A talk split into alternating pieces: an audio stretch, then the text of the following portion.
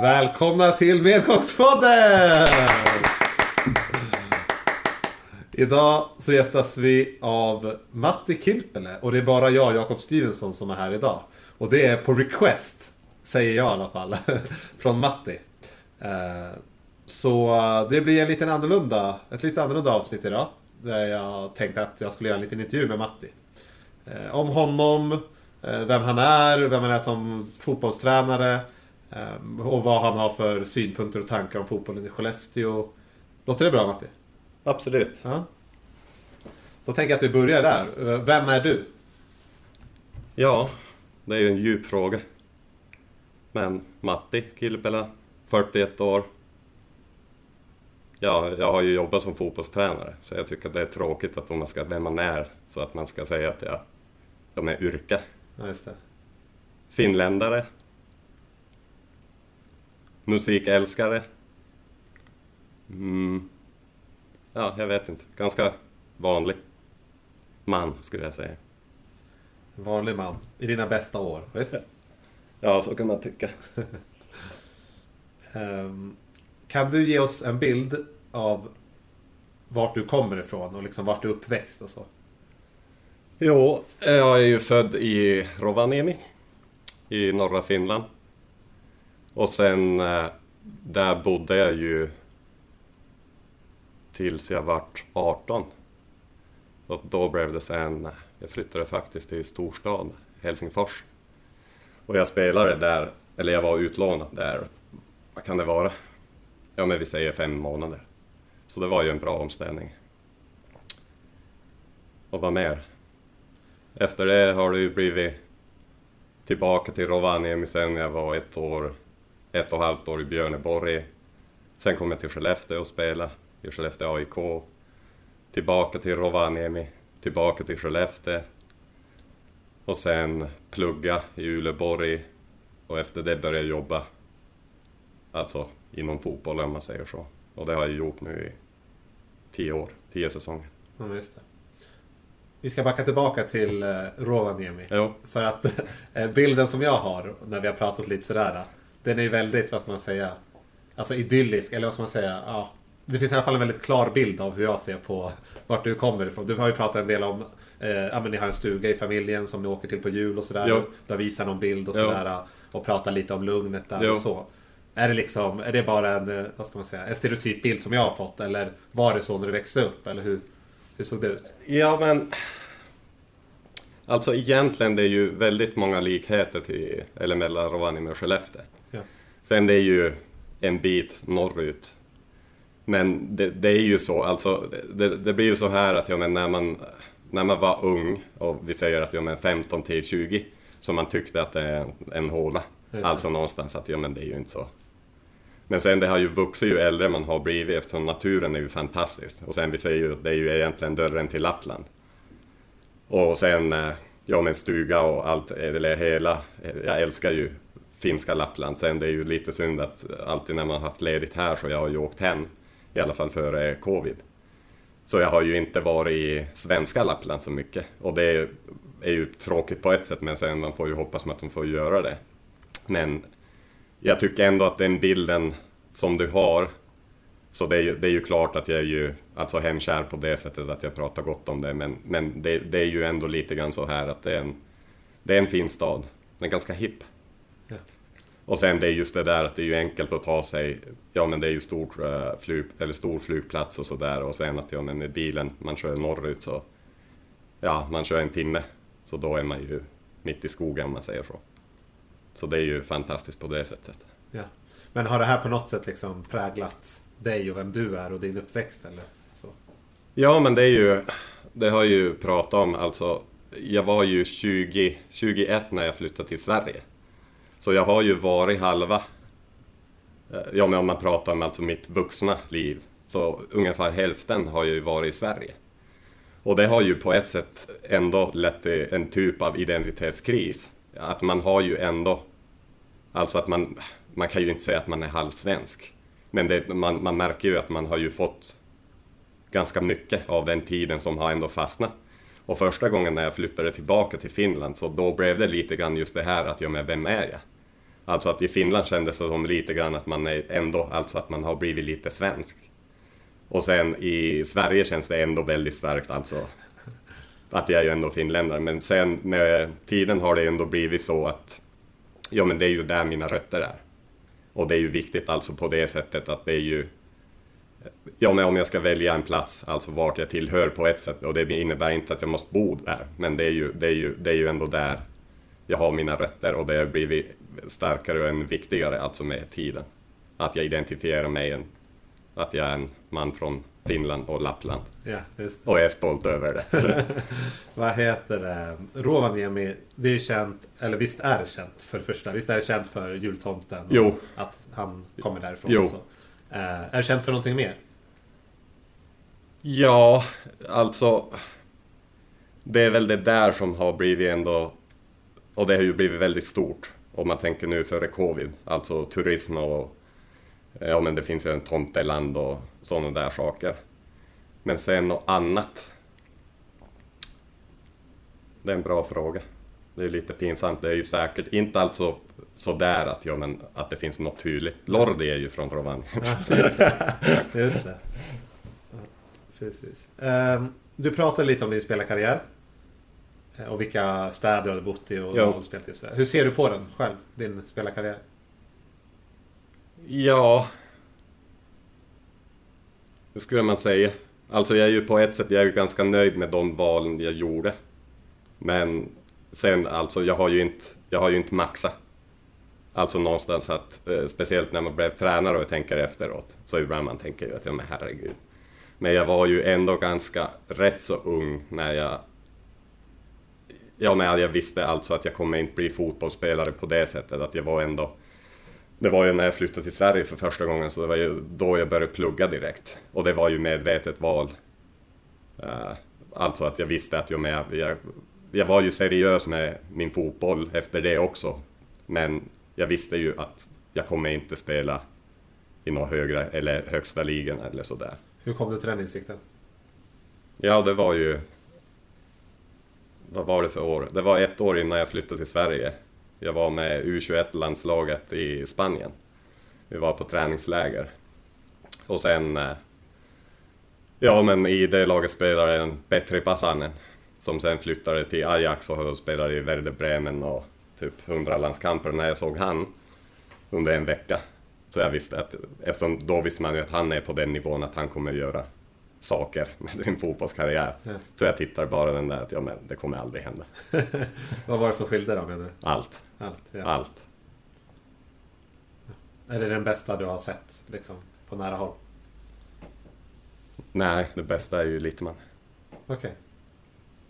Som man har alltså sett Ja. från, från nära håll. Ja. Och hur har du sett Alltså som publik då tänker du eller? Eller har du haft han i... Nej, jag har inte spelat med honom.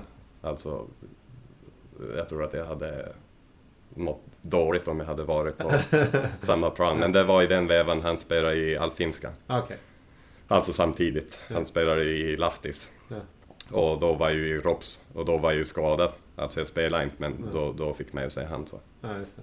Var det i början av karriären eller? Hans karriär? Nej, i, eller ja, han hade ju så lång karriär. Det var inte innan han gick till Ajax eller? Utan det var efter? Nej. Ja, okej. Just det. Eh, Men vad sa du? Hur sammanfattar du din spelarkarriär? Är du nöjd eller är du... Finns det- Jo, men det är ju alltså det är ju någonstans att jag tycker att jag, ja, ja men det är ju ingenting jag ångrar.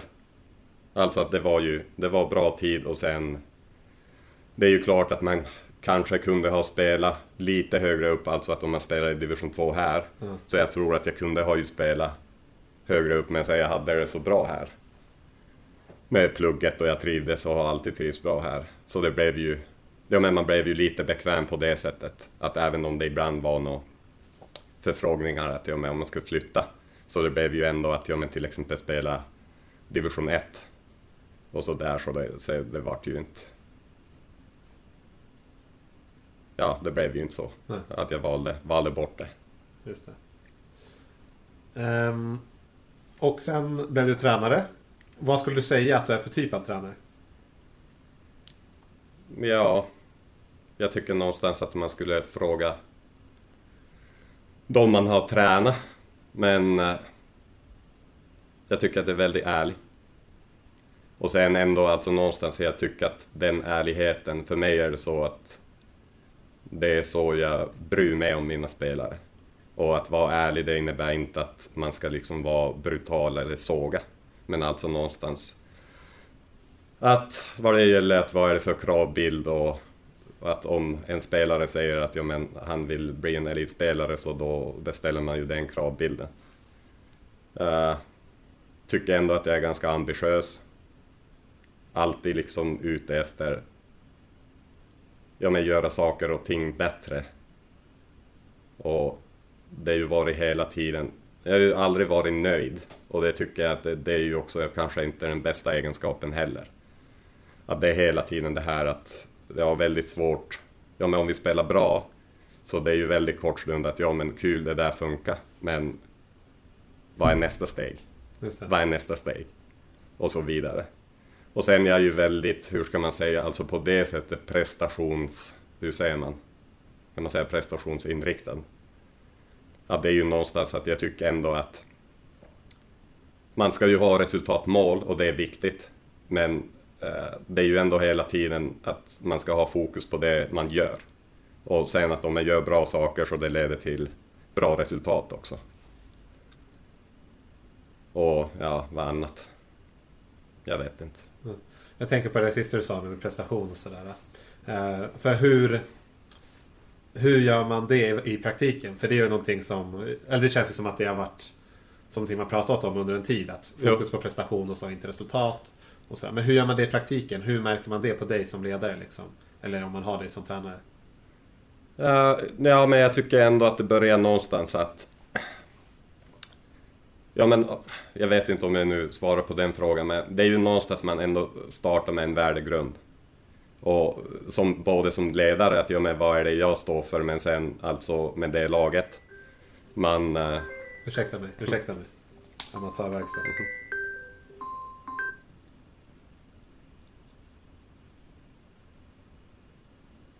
Så, kan du fortsätta, förlåt. Ingen fara, vars var jag? Eh, man börjar med en värdegrund sa du? Ja men precis. Och sen alltså med laget att man skapar ett sätt att jobba. Att ja men vad är det? Det är ju väldigt enkla saker. Alltså att ja men vi ska komma i tid och bra bra bra. Alltså sådana här saker, att man sätter en standard där. Men sen alltså, jag tycker att det syns att man, det är prestationsinriktat. Att ja men eh, hur man tränar, hur man planerar verksamheten och sen där också någonstans att man egentligen betygsätter hela tiden det vi gör. Till exempel att ja, men det kan ju vara, ja men om vi tar en enstaka övning, så det är ju någonstans där att ja, men hur bra kan vi göra och på vilket sätt gör vi?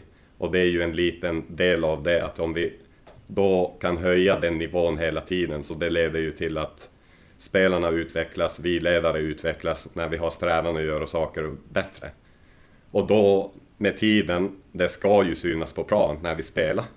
Men sen det kan ju vara så att ja, men, vi kan ju spela bra men vi förlorar. Och då ska man ändå inte, även om det är ju att, jag menar, att man ska alltid vinna, men om vi börjar dra eh, för stora slutsatser bara för att vi förlorar och börjar till exempel ändra saker, så då har vi ju inte riktigt fokus på prestation på det sättet.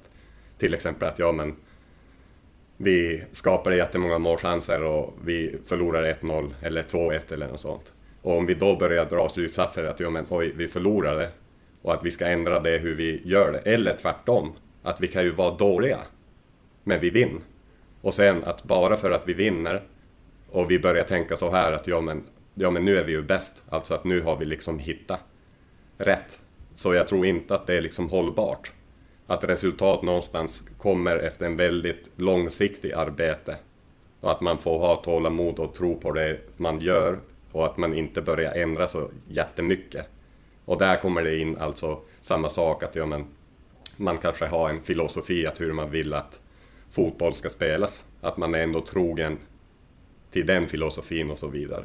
Men det, det, är ju, det är ju någonstans att det kanske syns mest, skulle jag tro, att också att om vi pratar om matcher och sånt här så även om alla är ju gladare när vi vinner så vi pratar ju inte så mycket om resultatet.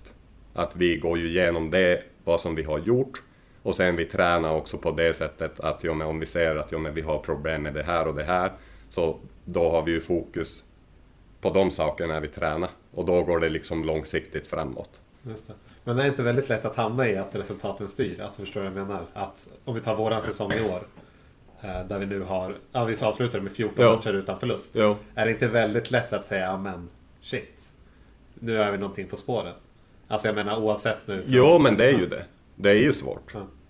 Och det är ju där någonstans, jag tror att på ett sätt det kan ju vara bra att man kanske är lite envis.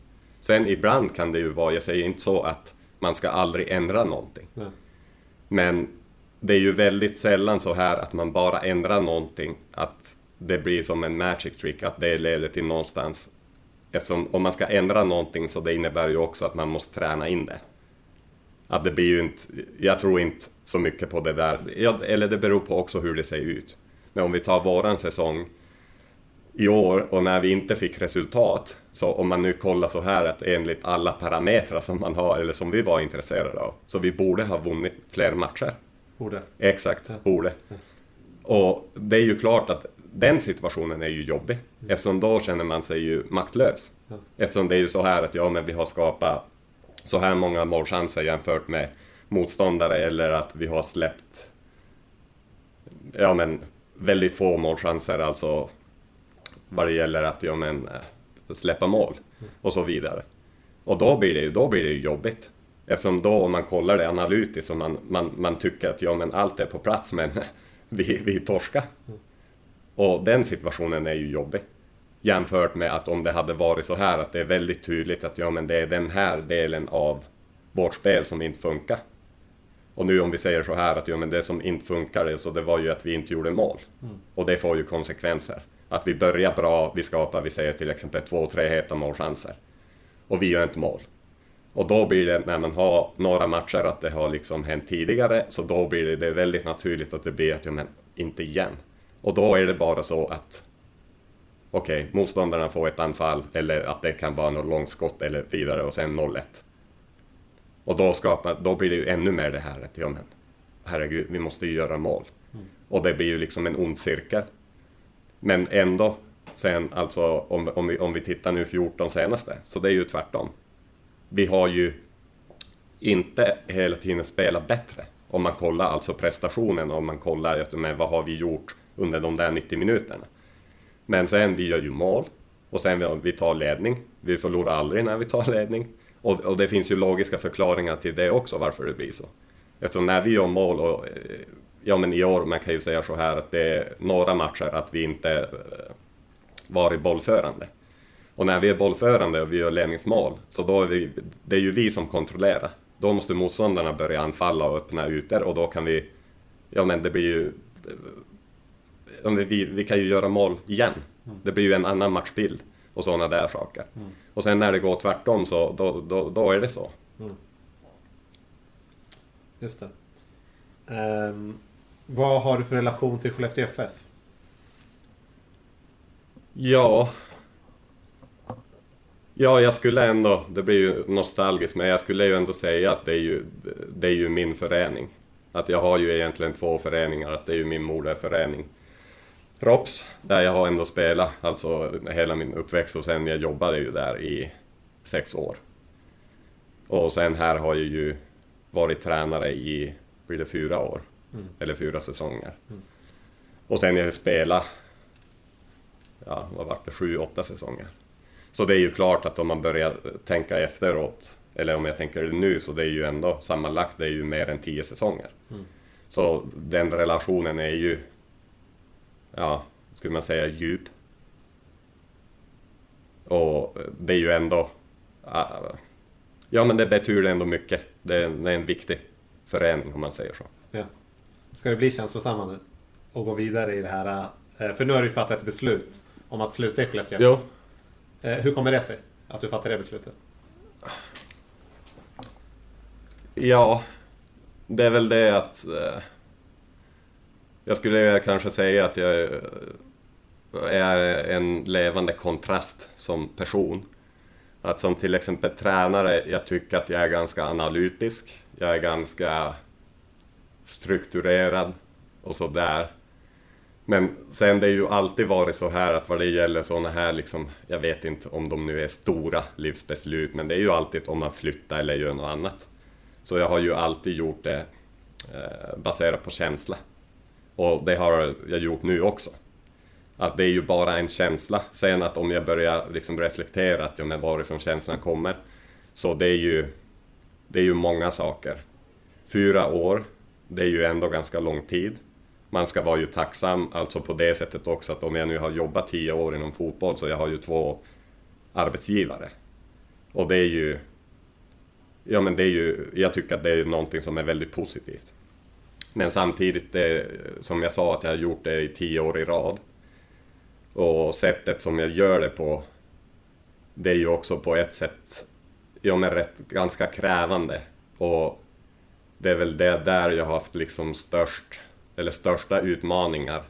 Att hitta en balans, att det blir så mycket fotboll. Och nu den här liksom eh, covid-perioden har ju inte gjort det lättare om man säger så. Att det är ju också en liten bit. Men det är ju kanske någonstans, det är ju bara... Ja. Ja men kanske sätta mig i en situation där jag ska vara utan fotboll, i alla fall ett tag. Utan att jag har något nytt kontrakt eller sådär. Och få säga att ja men saknar jag det? Om jag saknar det, jag tycker att det är väldigt positivt. Samtidigt, jag sätter mig i en situation att Uh, om vi tänker lite mer långsiktigt så att uh, någonting måste jag ju göra. Och då kan det ju också vara att man kanske kollar lite andra alternativ, till exempel vad det gäller jobb och sånt här. Så det är ju kanske, ja jag vet inte. Det får vara svaret. Ja precis. Vad har du för, för du har ju pluggat, vad är det din titel eller vad man ska säga, vad är det du har pluggat? Ja, jag har ju läst till, alltså, jag har ju läst ekonomi, jag läste till, eller tog kandidat kandidatexamen i Umeå universitet. När var det? Det var ju i samma veva när jag slutade spela. Och sen jag fortsatte i Uleåborg. Jag läste alltså, vad heter det, masters. Men jag har aldrig jobbat. Var det master också? Ja, men det är ju, i Finland var det ju alltså huvudämne eller major, hur Ja. man säger, det var ju marknadsföring. Okej. Ja. Eh, hur känns det då, när beslutet är taget? Uh, konstigt. Alltså det känns bra på ett sätt. Det känns känslosamt. Det känns delvis sorgligt. Delvis man är väldigt nyfiken. Alltså, och... Ja men man ändå... Jag har ju inte landat Nej. dit än. Att vi är ju fortfarande vid Skellefteå och det här är första dagen att jag inte har kontrakt. Ja, just det. Och det finns ju praktiska saker. Eh, Ja, men idag ska jag ta mig till Finland och då är det ju fixa lägenheten och myndigheter och allt det där. Så jag har ju inte landat riktigt dit. Alltså, men, men det känns ändå, det, det känns konstigt. Det är ju många känslor. Ja. Just det. Eh, ja, hur har tiden i Skellefteå FF varit? Du menar som tränare nu? Ja, vi kan ta den senaste sessionen. Det blir väl stort annars kanske. Ja. Givande. Sen det är ju såklart varit många utmaningar. Att om man tänker så här att när jag kom hit så då var det ju, jag kom ganska sent. Och det var ju division, division 1, säsongen 2018. Och den säsongen var ju lite grann att ja, men man kommer ju in och kollar att ja men hur det ser ut och man är kanske lite försiktig och att man bara liksom vill skapa en bild av hela verksamheten. Och sen det gick ju som det gick. Och då började ju egentligen alltså en ny period som var ganska tydligt att det blir ju alltid en ganska stor förändring när man åker ur en serie. Och nu säger jag den sen den här senaste tre säsongerna att men jag har varit huvudtränare. Och sen det var ganska tydligt för mig och föreningen att det ska bli ju, vad heter det, generationsväxling. Så det har ju blivit, och det är ju någonstans där jag har ju hittat mitt syfte. Varför jag tyckte att det har varit roligt och givande och inspirerande. Att öka antalet unga spelare, nya spelare alltså i A-lagsverksamheten, många lokala spelare. Och Ja, men det har ju varit jätteroligt. Och där, där är det just den här vi pratar om att ja, men ha fokus på prestation och egentligen försöka bidra till ja, men mina kvaliteter eller kunskap som man har, att verksamheten blir bättre. Och den ska liksom bära frukt långsiktigt. Och, och det är ju det som har gett mig motivation. Egentligen hela tiden. Just det. Vad heter det där som du nämnde med lokala spelare? Det har ju verkligen varit någonting som ja, men, har varit tydligt i det här Skellefteå FF de senaste åren. Jo. Ehm, och i år var det väl någon match, jag tror det var Stöde borta, där vi startade med alla utespelare var lokala. Alltså, sen, visst var det den matchen? Jo. Och så Hugo då i mål. Jo. Ja, utifrån. Och det tror jag inte, eller i alla fall de åren innan som jag har varit där då, så har det inte varit så. Utan då har det varit, ja det har alltid varit ja, men, ett gäng eh, som varit utifrån. Jo, och sen det var ju bara 2019. Att om man kollar den eh, säsongen. Så vi snittade alltså 2, komma någonting Skellefteå-spelare i startelvan Just det. den säsongen. Mm. Eh, ja, det kan bli att i slutet av säsongen att det blir närmare tre stycken. Ja. Och sen i fjol var det 5, komma någonting Ja. och i år är den eh, över 7. ja, det. Så det blir ju ganska tydligt där också, Mm. att, eh, om man vill se det på det sättet. Att under, ja egentligen på två år, Mm. från två till sju, nästan åtta. Ja, men det är jättestor skillnad. Det ser man ju också när man kollar de som har spelat mest i år. Så är det ju, den som spelar mest är väl eh, Bellucci och näst mest är väl Åman tror jag. Eh, Ja, det blir väl så. Ja, och de är båda två lokala killar. Och Jo. som ja, men också gått igenom Skelle- ehm, akademin och Beluccia har ju också Skellefteå FF som moderförening och sådär. Så att, och det är inte många som har varit A-lag som har det. Det är ju ett par stycken bara. Det är inte många. Nej. Och nu är han en ordinarie spelare liksom. Så att, ja. ehm, är, det det, är det den biten som du är mest nöjd med? Eller finns det någonting annat som du... Ja, men det är det definitivt. Ja, Sen, sen det är ju... Eller det får man ju se. Mm. Och det är ju lite svårt att liksom reflektera eller betygsätta sitt eget arbete på det sättet. Men det är ju...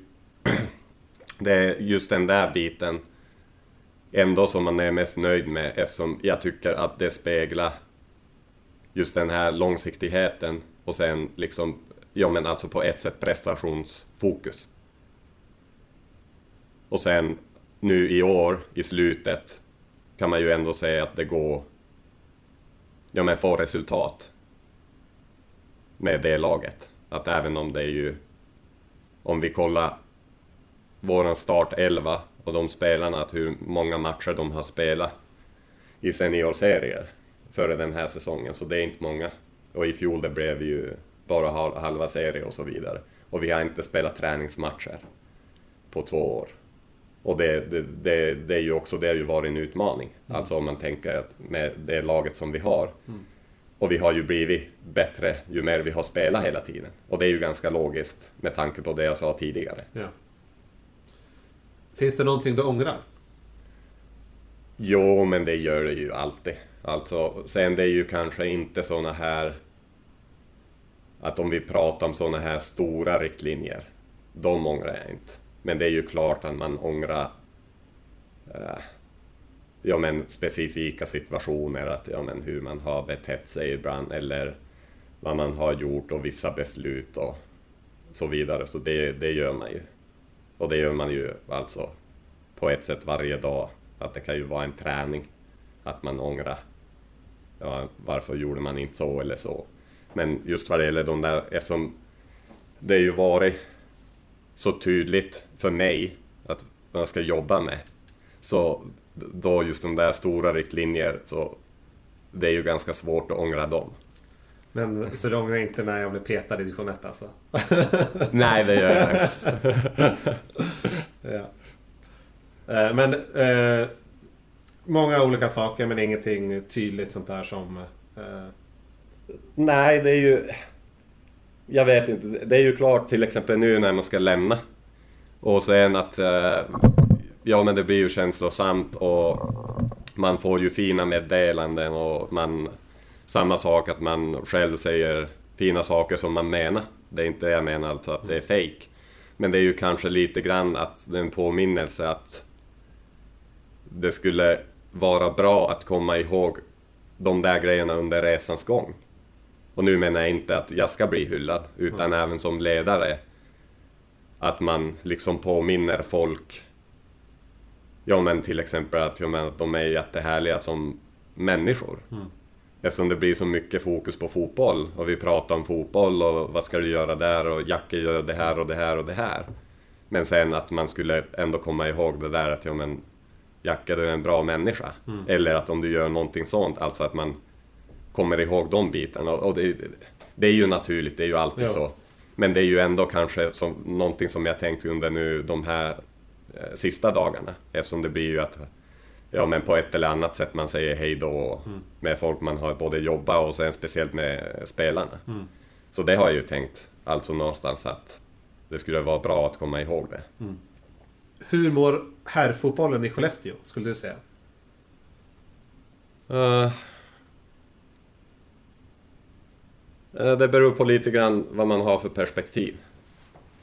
Jag tycker just på det sättet att om man kollar liksom här och nu så det ser ju, jag tycker att det ser ganska bra ut på A-lagsnivå, alltså på det sättet att ja, men det är lokala spelare och det är gjort en bra säsong och sen sådär. Men sen utmaningen generellt är ju att om, om jag tar elitperspektiv, att man har ambitionen att spela elitfotboll i Skellefteå.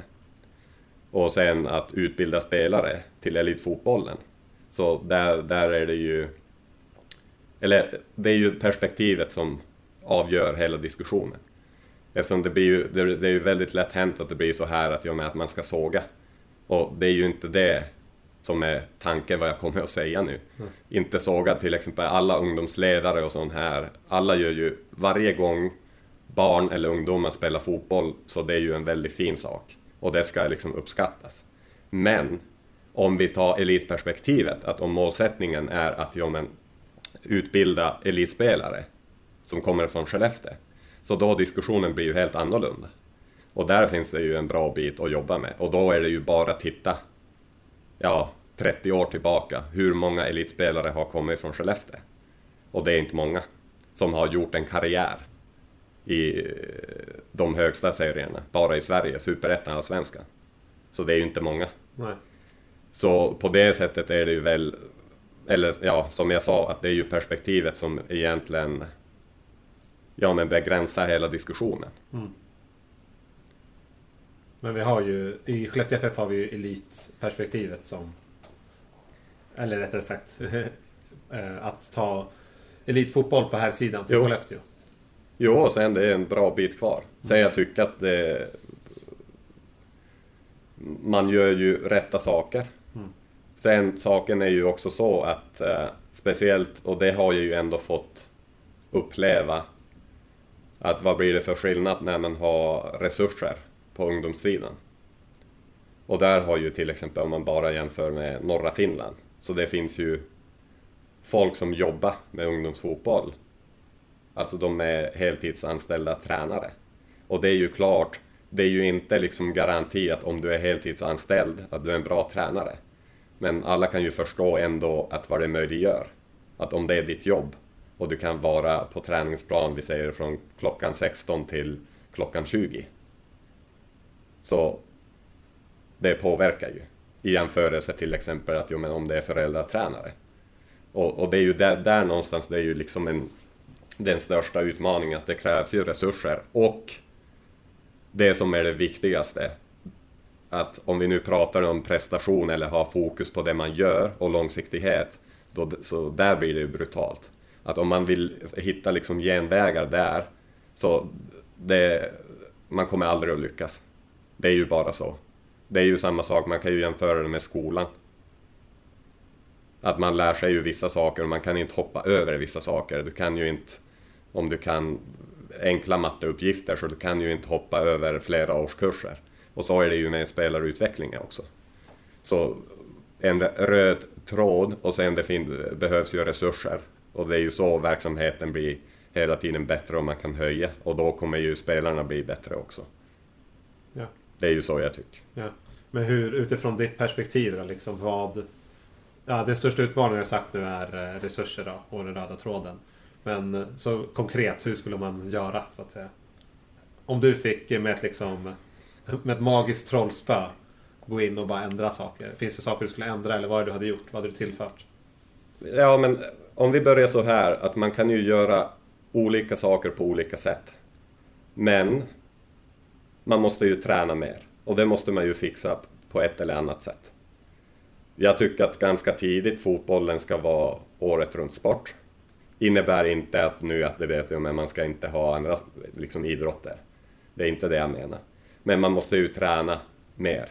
Sen att om man kan skapa en verksamhet där de som är med i verksamheten eh, ja men träna, ja men vad kallar man det för, spontan fotboll, alltså på egen tid och sådär. Så jag skulle tro att det är det som är det bästa. Alltså en typ av frihet, speciellt i de här unga åldrar. Alltså att man är aktiv. Och det finns ju jättemånga undersökningar att det är 20 plus timmar per vecka man ska vara aktiv. Och det är så man skapar bas för ja, men elitidrott. Och det är ju ändå tre timmar per dag. Och då, det är ju, tycker jag, det är ju liksom samhälls samhällsproblem skulle jag säga. Eftersom om man nu är aktiv i tre timmar per dag så det bidrar ju till elitidrott men det bidrar ju till andra saker också eftersom alla kommer inte bli elitidrottare Nej. hur som helst. Men det är ju den där liksom utmaningen som ska lösas.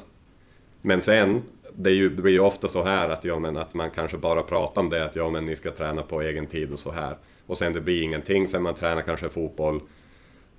Ja, men man kan träna rätt så mycket också. Vi säger att du tränar fyra gånger, en och en halv timme. Det är ju sex timmar per vecka, eller hur? Och det räcker ju inte. Det kommer, du kommer inte bli elitfotbollsspelare om du kontinuerligt tränar sex timmar fotboll per vecka. Det kommer inte hända. Så träningsmängden ska upp, men sen samtidigt, man skapar ju också, både som ledare och förening, man kan ju skapa en miljö som egentligen bidrar till den här passionen. Och där blir det ju också sen, på längre sikt, eh, A-lagsverksamheten blir ju viktig. Att det är någonting att sträva efter. Och så länge man är kanske i division 2, så Ja men det är ju kanske inte så att det är jättemånga som tänker att ja men gud om jag kunde spela alltså i Super 2 någon dag. Men sen om man kan få den högre upp så det, ju, det skapar ju också någonting att sträva efter. Mm. Men sen just det där, frågan var väl att vad skulle jag göra? Ja. Men det är ju det jag skulle ändå liksom lösa på ett eller annat sätt, att man tränar mer. Ja. Från vilken ålder? Ja, från start. Ja. Och vad pratar vi då? Alltså, Ja, men alltså när börjar man ju? Sen det är ju väldigt individuellt. Mm. Och det är ju, jag tycker också att det är ganska viktigt med information. Mm. Och jag menar inte nu att det ska vara så här att när, när du är åtta år att du ska träna fem gånger och fem gånger tre timmar per dag, alltså med lag. Ja. Men generellt, det ska ju ändå, det ska liksom, man ska öka. Vad är det för ord när man ökar? Mängden eller? Nej, men alltså konsekvent. Ja, okej. Alltså så här att ja, men träningsmängden ökar och det är vissa saker man lär sig. Sen man kan ha hemläxor, man pratar om att hur viktigt det är att liksom vara aktiv och göra andra saker och så vidare. Ja. Och, och, och det finns ju mycket saker att göra men det krävs ju resurser också. Att man kan bidra till de där bitarna. Mm. Tycker jag. Ja. Just det. Så hur mycket skulle vi träna i, om du tar Skellefteå FF då, som exempel? Vilken ålder? Ja men, kan börja från de 4 till 5-åringar i fotbollslekis. Då tränar de en gång i veckan i dagsläget. Ja, men sen det är ju, alltså där är det ju någonstans att eh, det är ju som det ska vara. Mm. Och de tidiga, eh, alltså åldrar. Men det, det är ju kanske mer någonstans att miljön och informationen man delar också. Ja. Alltså att det ska liksom att föreningen kan ta ansvar och prata om sådana saker. Alltså, det är ju inte det, alltså, man kan, behöver inte säga till sjuåring, alltså på det sättet att ja men nu är det så här att du måste träna sju timmar per dag för att du ska göra någonting. Det ska ju vara inspirerande och kul, Ja. men samtidigt det ska ju ändå finnas liksom kunskap och information till föräldrar och sånt här att ja men hur ser det ut? Mm. Så då kan man ju, eftersom det är ju ändå bra saker, att om barn är aktiva Ja. generellt om en förening kan bidra till det, att barn börjar göra saker mer och mer. Mm. Så det är ju alltid positivt. Men det bidrar ju också till elittänkande. Eftersom det är ju där ändå man skapar bas Att om vi säger nu att vi tränar ju rätt så mycket även liksom tekniska saker Ja. i A-laget. Ja. Så det är ju också någonting som man måste göra. Mm. Men egentligen den här sista perioden, om vi tänker spelarutvecklingen 16-17 och framåt, om vi tänker det som en elitperiod, så det är ju där man ska liksom finslipa. Det är ju där man ska finslipa fysiska saker, spelförståelse, tekniska, men egentligen, du ska vara alltså på ett sätt färdig. Och då man ska finslipa de egenskaper. Som det är nu, så det är ju lite grann att eh, vi gör ju egentligen alla bitar. Sen det är ju väldigt individuellt att ja, men, vissa kan ha utmaningar rent vad det gäller liksom fysisk status, att bli van vid att träna hårdare och man kan ju inte heller göra så att ja, men om man har tränat tre, fyra gånger i veckan och sen att man höjer intensitet eftersom kvalitet kommer ju in också i den här diskussionen att det är ju inte bara timmar. Mm. Ju äldre man blir så det blir ju ännu viktigare att ja, men vad är det för kvalitet? Så det, är- det är ju på ett sätt komplicerat men ändå väldigt enkelt. Att det är ju någonstans att man ska ju träna mycket. Och ju mer man kan göra det på det sättet att man kanske inte ens tänker att man tränar, speciellt när man är ung, så desto bättre. Men vi kan ju inte heller skapa en bubbla på det sättet att, ja men som jag sa, att ja, men spela sex timmar fotboll per vecka och kanske ha några månader man inte spelar överhuvudtaget och gör inget annat, att det skulle leda till elitidrottkarriär. Det kommer ju inte hända. Och det är liksom viktig bit där och ärlighet i den diskussionen. Att det är ju inte så, eftersom eh, idrott är ju ändå brutalt på det sättet att det är ju ett typ av tävling hela tiden, det är ju det det utgår från. Men samtidigt, det är ju så att man måste ju jobba för det. Och det är ju inte för alla. Och det ska ju inte, man ska ju aldrig tänka så här att ja, men målsättningen är att ja, men alla väljer att ha den livsstilen. Men både unga och lite äldre ska ju veta att vad det innebär.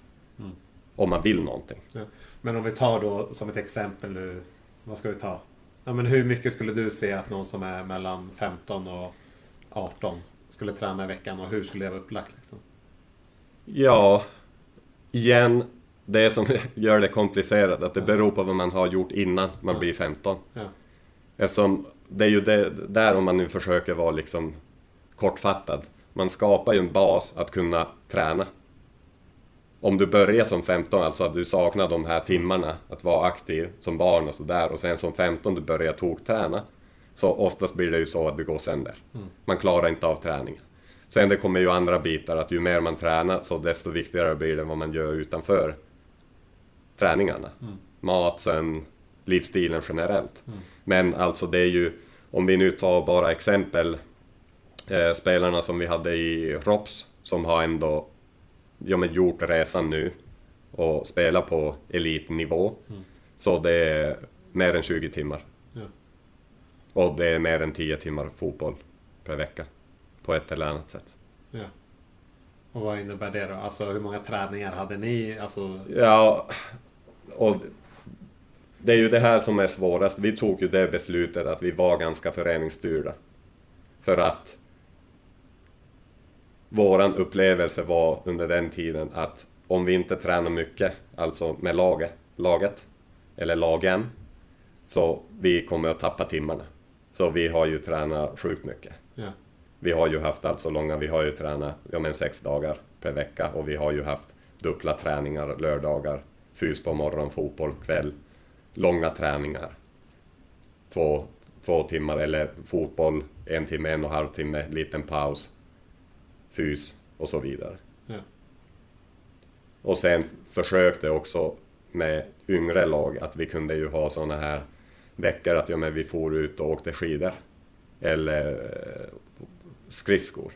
Och andra idrotter. Men vi gjorde det som alltså fotbollslag. Ja. Bara för att liksom väcka intresse också att ja, men det, man kan ju göra såna här saker. Ja, okej. Även om man inte till exempel har träningstid Ja, i bollhallen. Och från vilken ålder kördes det här ungefär? Menar du nu alltså åka skidor eller? Jag menar hela det här upplägget när det var så pass strukturerat med över 20 Ja, men eh, alltså. Jag hade 03 och när de var 10 så vi hade minst fyra dagar Alltså året om. Ja. Vi tränade. Ja. Och ibland var det ju sex, ibland var det ju så. Men sen det var ju alltid ändå frivilligt. Och det är ju det där som är ganska viktigt någonstans. Att man ska aldrig forcera men man måste ju lita på verksamheten. Att om barnen tycker att det är kul så de kommer. Och där är det just det här att eh, ha lite variation i aktiviteter och göra saker. Och då blir det ju så här. Det var ju, vi tränade sjukt mycket men det var ju ingen som slutade Nej. till exempel. Ja, just det. Men det är ju lite kontroversiellt i Sverige det här, som du säger nu. Har du uppfattat det? Alltså på, Jo, på, men- på ett sätt. Ja, på ett sätt. Det finns ju de som gör det. Jo, absolut. Det finns ju de som gör Jo, det. jo, men... men- det jag menar är att... Eh, eller för att i Sverige har ju, i alla fall det här är min uppfattning nu då. Det är ju att eh, samhällsdebatten, eller Jo. alltså den generella uppfattningen från allmänheten kring träning är att du ska styrt, alltså mer styrt av glädje. Man jobbar ju till exempel från RFs nivå eh, för att eh, möjliggöra kombinationer av idrotter Jo. och sådär. Ehm, ja, så och mångt och mycket av det du säger nu är ju lite, alltså det är ju inte tvärtom på ett sätt när du säger att det är styrt Mm. av glädje så ska det ju vara det och att det inte är obligatoriskt och sånt. Så det är klart att mycket av också hur man gör det, inte Jo. bara vad man gör. Eh, Men ändå så är det ju lite så här. Det går ändå lite mot det här att alla ska kunna vara med och... För att om du till exempel... Ja, om du, om du tränar fyra till sex gånger i veckan som tioåring. Jo. Då finns det ju inte jättemycket utrymme att spela hockey eller eh, taekwondo eller vad det kan vara. Jo, men så är det ju. Men där kommer man ju in, alltså det som är svårt med alla sådana här diskussioner, att eh, jag är ju lite emot det att det finns något system i Ja. sig som löser allt. Ja. Det finns ju inte. Nej. Man kan ju göra olika saker på olika sätt. Det är ju mycket diskussioner också vad det gäller nivåanpassning. Och sen, jag fattar ju att det kan ju låta så här att ja, men man säger nivåanpassning, men så kan man inte göra. Men det handlar ju också hur du gör det. Om du gör det på det sättet att ja, men du har tioåringar och sen att du har någon elitgäng där som får all liksom, uppmärksamhet och fokus. Så det är ju klart att det är ju kanske inte den bästa lösningen i den åldern. Men man kan ju göra det på olika sätt. Och då måste man ju betygsätta ändå det man gör och kolla, ja men till exempel ja, men antal dropouts. Hur många är det som slutar?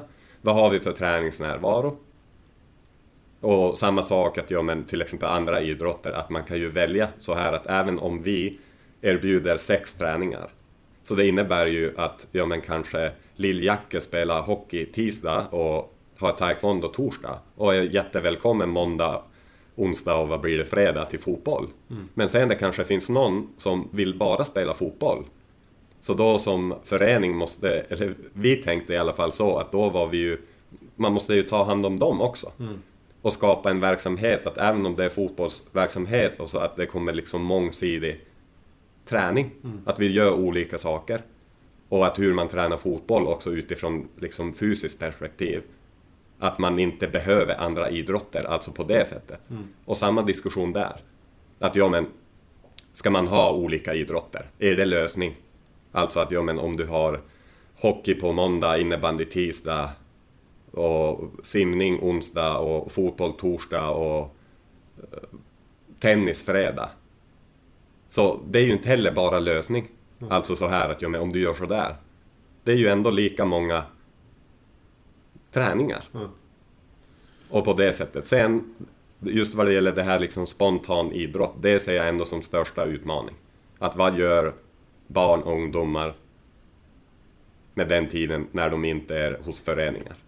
Och det är det största liksom utmaningen, vad jag tycker. Att ju mer man kan göra saker i samband till exempel med skolan, så bättre. Eftersom då slipper man ju ja, men, åka hem från skolan, åka till träning, att det skulle kunna vara i samband. Eller att, ja, men, att man har mer gympa i skolan och typ sådana här saker. Men just det där att ha något system och att eh, diskussionen blir ganska, säger man, polariserad. Alltså på det sättet att ja men, ja men så kan man ju inte göra och det är det här som gäller.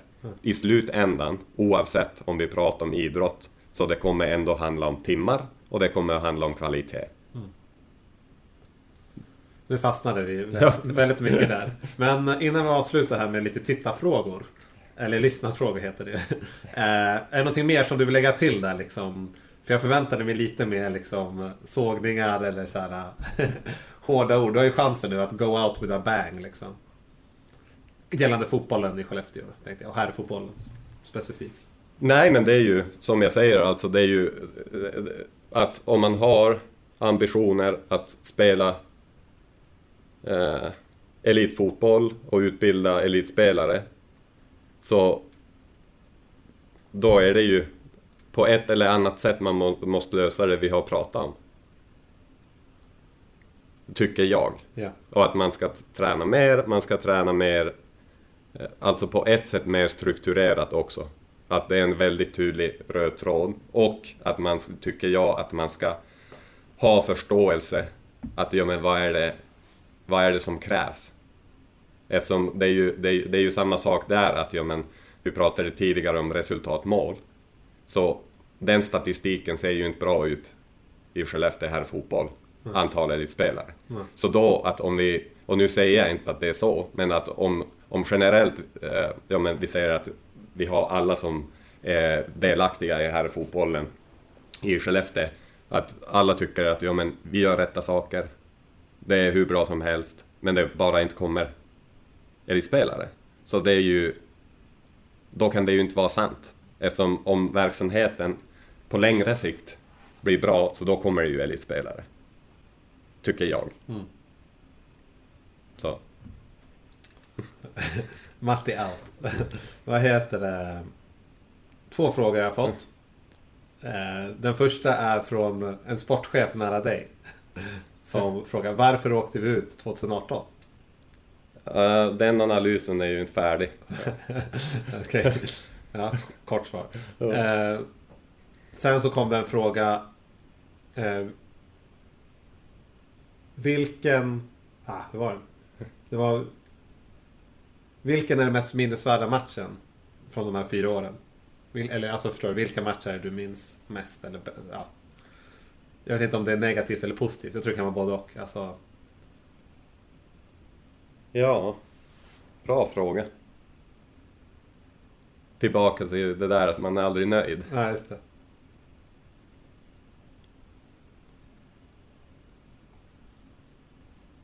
Nej, jag har ingen. Alltså sån här, det är ju några. 2019 ute i Hogdal, hemma. Varför, Den kommer jag ihåg. varför då? Ja, men det var ju det var en ganska fin sommar, sommardag. Det var rätt så mycket folk. Och sen vi spelade fantastiskt bra. Första halvlek ledde 2-0, sen det blev 2-2, men vi avgjorde i slutet. Vann 4-2. Så det, det kommer jag bara ihåg. Sen det är ju några andra. Sen vi spelade mot TG samma året. Alltså det var DM-semi.